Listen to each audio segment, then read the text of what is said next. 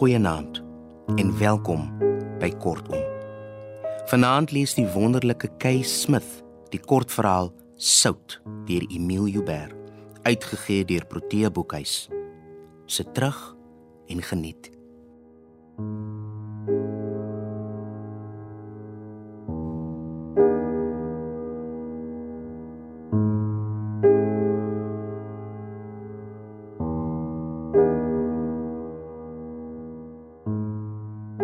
Twee jaar nadat haar man se hart in die see gaan staan het, het Nerina Gous weer verlief geraak. 2 jaar en 17 dae om presies te wees.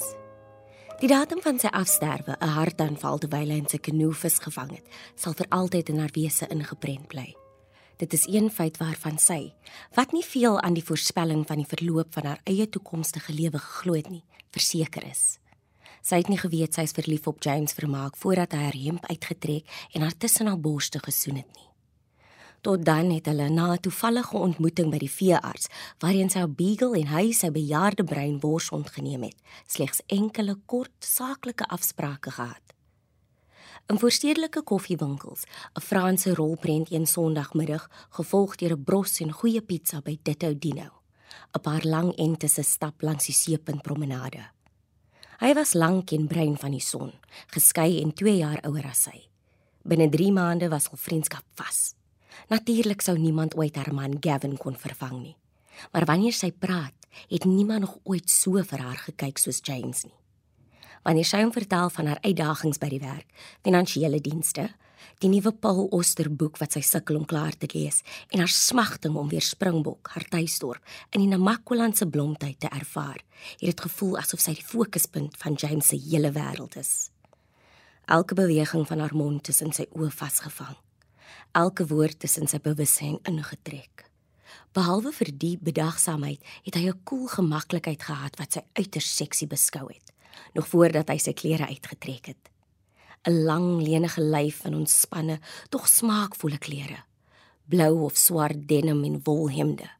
Chinos of jeans wat net reg sit aan sy smal heupe. Die gawe om vir homself te lag oor sy dubbelken of sy versienheid, wat die uitblik van 'n leesbril noodsaak wanneer sy hom iets uit 'n boek of koerant wys. Hy kon haar meesleer met vertellings van die lewe van jazzmusiekkunstenaars. Al het sy nooit 'n behoefte gehad om na hulle musiek te luister nie. Chet Baker, wie se tande uitgeslaan is deur dwelmhandelaars wat hom gedwing het om van vooraf te leer trompet speel. Charlie Parker, wat sy naam Bird te danke het aan sy voorliefde vir braaihoender as kind. Kom ons beweeg, sou hy sê wanneer hulle na 'n televisiekamer sit. Sonder voorbereiding het hy dan sy motorsleutels gevat en haar geneem na 'n interessante gebou in Kaapstad, die ou VOC graanskuur op die hoek van Strand en Breestraat, of haar die waterval gaan wys teen Houtbaai se berg. Natuurlik was Gavin nog met haar. Sy portret, kaalbo lyf in die son langs die kus, het bo kan die kaggel in haar sitkamer gehang hul kameraadskap en onvoorwaardelike liefde gebuitel in al vier kamers van haar hart. Na sy ontydige dood het sy diep en lank gerou. Al was daar eers nie 'n tekort aan vertroostende vriende nie. Meestal paartjies wat goeie en huislike kennisse van haar en Gavin was. Na mate die dae en weke en maande verbygegaan het, het die vriende egter weggedryf na die wentelbane van hul eie lewens. As 'n weduwee van 46 het sy vir die eerste keer in haar lewe werklik onseker oor haarself begin voel. Sy het begin twyfel oor wat sy vir ander mense te sê het en besef dat die uitbundigheid wat sy altyd oor die wêreld en haar bewustheid oor haar plek in hierdie lewe gehad het, skielik weg is. Soos die fyn vlekkies wat skielik van die skraal skouers van 'n vee afgeval en haar magteloos op die grond onder 'n digte woud gelaat het. Toe James aan na die restaurant by Stellenbosch neem vir haar 47ste verjaarsdag, het sy slegs sy lagende blou oë, gemaklike gesels oor onderwerpe soos sy werk, boeke, rolprente en sy liefde vir die bosveld verwag. En met 'n gefladder in haar maag, het sy uitgesien na die manier waarop hy altyd vir haar kyk en belangstel in wat sy sê. Die knik van sy kop terwyl hy na haar luister en dan die skewe glimlag op sy mond wanneer hy haar vra om uit te brei oor haar vriendinne en haar hond, haar werk by die hospitaal, haar bejaarde ouers en haar kommer oor hulle, bewus van die onvermydelike. James het goeie wyn bestel en die geregte wat die kelner voor hulle geplaas het, bestanddeel vir bestanddeel ontleed en die oorsprong daarvan vertel. Een oester is genoeg, het hy gesê, toe die kelnerin hul voorgeregte voor hulle neersit. Hy het die groot oester met sy vurk gestreel. Maar dan moet dit 'n vars agalas soos hierdie een wees, groen van die plankton en met die geur van die see op sy diepste. Dit moes soos 'n meermin se soen proe. Hulle was stil op pad terug na die stad. Hy het met sy hand op die stuur van die Audi. Sy wat links kyk na die helder ligte wat op die sinkhuise van die plakkerskamp skyn. Soos die ligte van 'n konsentrasiekamp het sy gedink. Sy James se hand op haar bobeen gevoel. "Dankie dat jy vanaand saamgekom het," het hy gesê en vinnig na haar gedraai. Sy sonbruin gesig was donker, wat sy hare soos 'n silwerpels laat lyk het. Baar hy het sy koffie in die kombuis gemaak en toe soen hy haar.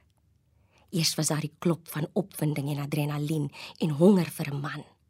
En toe hy haar na die rusbank in die eetkamer stuur en sy kop tussen haar borste sit, spoel die herinnerings van die afgelope maande waarin hulle mekaar geken het oor haar. En met haar hand op sy agterkop besef sy dat sy weer verlief is. Sy het gevoel soos 'n beerwyfie wat vanuit die diepste donker van 'n winterslaap ontwaak en na die lente son en bome se helder, veelkleurige bloeisels kyk asof sy dit vir die eerste keer sien. Sy is na al hierdie tyd oorval deur die onverklaarbare ritme van die liefde. Die gee en die neem, die stoot en die trek, die opwinding van die onbekende, die salige wedervaring van die bekende. Dis hy vir James vertel het van Gavin se dood het haar vasgehou en op haar wang nat van die trane gesoen. Sy het gesê: "Tot op daardie laaste oomblik waarin hy gesterf het, het hy geweet sy vrou is lief vir hom." Oor een ander onderwerp was hy versigtig, aangesien sy bewus was dat James twee kinders, seuns, by sy gewese vrou het. Die tye wanneer hy nie beskikbaar was om by haar te wees nie, was weens die seuns, twee tieners wat hom nodig gehad het. Gavin wou baie graag kinders gehad het, het sy vir James vertel. Maar dis die een ding waaroor ons verskil het. Ek was my hele lewe bewus dat ek daardie verantwoordelikheid nooit sal kan ervaar nie. Sy het gedink dat die verlies en skok van Gavin se dood haar teen enige iets en al sou verhard. Tog het sy vir die eerste keer in 'n lang tyd werklik gehuil. Toe James haar een aand in haar sitkamer vertel dat hy nie verder met hul verhouding kan voortgaan nie. Dit was laat somer en hy het 'n kort broek en blou hemp gedra met plakkies aan sy skraal lang voete. Alle paaie kom tot 'n einde, het hy vir haar gesê. Die spasie tussen sy wenkbroue vernou met daardie frons van konsentrasie en aandag waarmee hy haar so baie keer bekyk het wanneer sy besig was om vir hom iets te vertel. Jy van alle mense behoort dit te weet. Ek is jammer. Regtig. Hy het die paar items klere wat hy tydens sy naweke se verblyf in haar slaapkamer gelos het, gaan haal en in sy leersak gepak en haar op die wang gesoen voordat hy by die voorhek uitgestap het. Sy het gekyk hoe hy die hek agter hom toetrek en het lank op die voorstoep gestaan. Die ligte suidoos wat die blare van die akkerbome in die hoek van haar tuin laat ritsel. Na lang winter het die lig en die son verskyn met die koel Kaapse lente. 'n Seisoen wat haar die afgelope paar jaar met gemengde gevoelens gelaat het. Helderheid en dagbreek het soggens vroeër gekom en haar tuin het na bloeisels en die belofte van 'n nuwe jaar geruik maar die vooruitsig van 19 September het 'n mistroostige en donker rand oor die lente laat val. Want dit was die dag waarop Gavin gesterf het. En nadat James 'n tydelike toenadering haar vrygemaak het van haar ballingskap, was die herinneringe van daardie geliefde 9 jaar saam met Gavin sterker as wat dit voor James was. Sy pak haar motor met tent en slaapsak en besluit om te ry waarheen sy nog nie was sedert Gavin 3 jaar gelede van haar weggeneem is nie. Na Blombos waar hy 400 meter die see in deur 'n hartaanval getref is. Die twee vriende wat saam met hom was, Kurt en Greg, het hom op een van hul bote gelaai en strand toe geroei en Kurt het haar gebel, bibberend van die koue en in trane. Na Blombo sal sy weer ry, net stadiger as die dag toe sy in daardie rigting gejaag het om haar man se lijk te gaan uitken. Sy gesig was bleek en sy hare nog klam. Verder het dit gelyk asof hy slaap. Sy neem 3 dae af by die werk en ry vroeg uit die stad uit. Die inkomende verkeer na Kaapstad opgehoop en stilstaande. Werkende pendelaars met gesigte bot en moeg. Dit is 'n wolklose lente dag, maar die suidooste wind waai sterk en sy moet die stuurwiel styf vashou om te keer dat die wind die ligte voertuig nie oor die pad blik nie.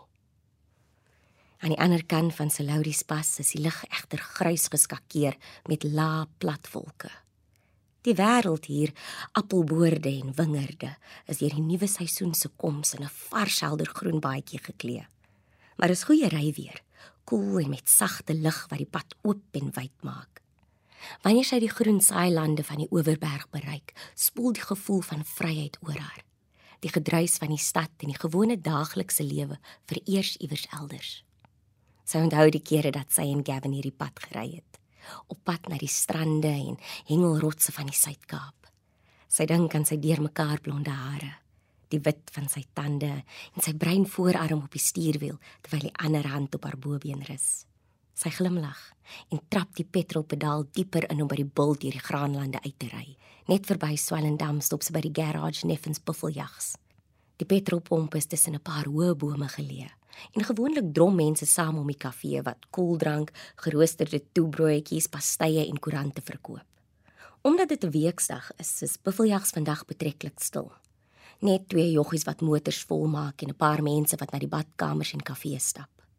Sy vra die petroljoggie om haar motor vol loodvrye petrol te tap. Nadat sy met 'n kaart betaal het, trek sy die motor onder een van die bome in en klim uit.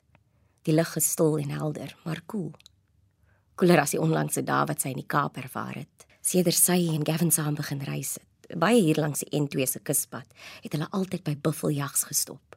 Net hier om petrol in te gooi en bene te red en het altyd een van die hoenderpastye in die kafee gaan koop en vir haar 'n yoghurt drankie geneem. Sy sal vandag een van die goudbruin pastye kry. Ja. Die vrou agter die toonbank haal 'n pasty uit die verhitte glasstaander. Sy betaal en stap uit. Die pastei warm in haar hand en wanneer sy dit uit die papierpakkie haal, dink sy vlugtig aan James. En wonder of hy met sy kennis van kos en liefde vir die restaurante ooit iets so eenvoudig soos 'n garage pastei sou eet. Sy neem 'n hap van die broskors en proe die souserige hoendervulsel, net soos Gavin dit sou geproe het. Sy stap oor na die stuk grasperk wat afgekamp is. Agter die heuphoogte draad is daar 'n paar plaasdiere. Hierdie dierekamp staan vir slank as wat sy kan onthou selfs toe sy as kind saam met pa en ma hier langs gery het van die Kaap op pad na ouma by Riverstal. Vandag lê twee bruin boerbokke in die kamp voor 'n lyn uitstaar. 'n Klein ronde swart varkie kom in haar rigting gestap, swiepende krulstert en ore wat oor sy oë flap. Die varkie staan by die draad en kyk op na haar. Sy voel net eens skuldig oor die pastye wat sy al halfpad geëet het, terwyl die vark op wie weet wat se kos moet staat maak. Iets stamp teen haar. Sy kyk af en 'n seun kyk op terwyl hy na die draad beweeg. "Jammer tannie," sê die kind. Hy is seker 6 of 7, hoewel sy nooit goed was met die skat van hul ouderdomme nie. "Ek wil net die varkie sien." Hy staan voor haar en leun teen die heining. Sy kort hare is 'n geroeste bruin kleur, sy nek bleek en vol sproete. Hy dra gebleikte blou tennishemp en kakie kort broek en bruin sandale. "Hallo varkie," sê die seun en kyk om na haar. Hy is so vet. Die seun se oë is groen en sy neus is breed.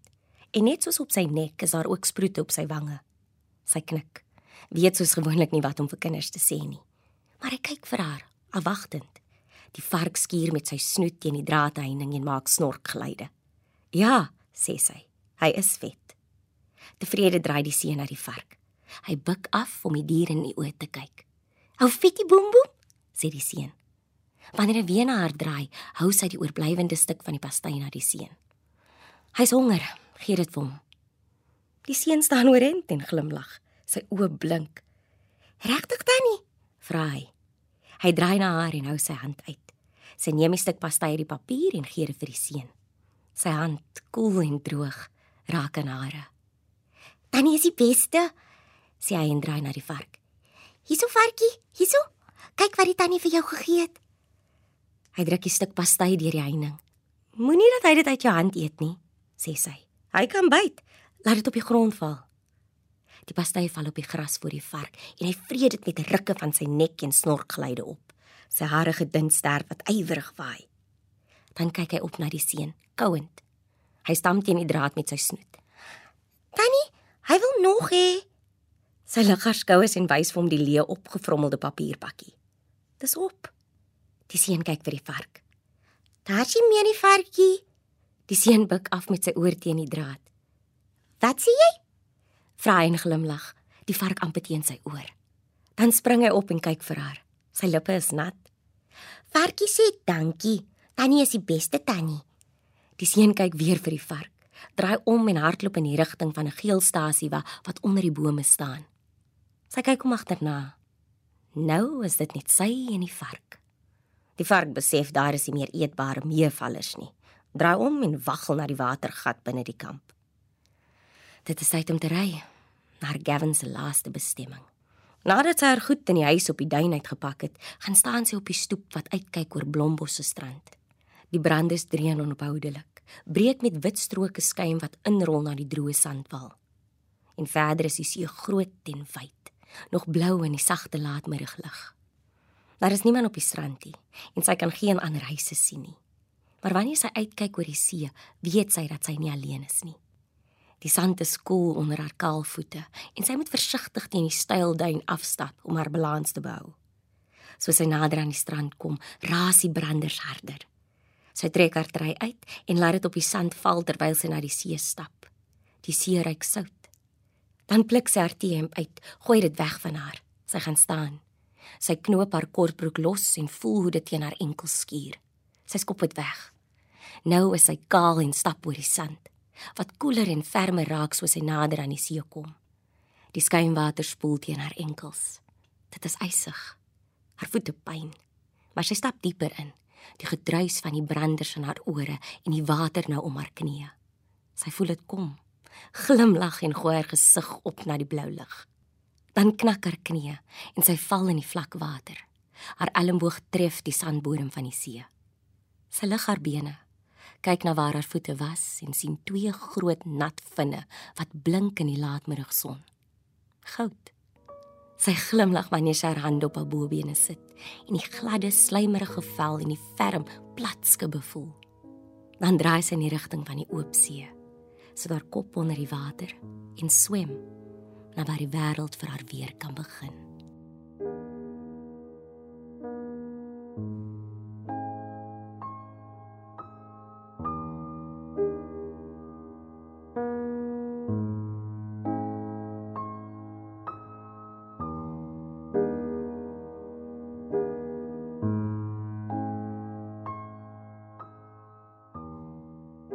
Dit was Sout deur Emile Joubert.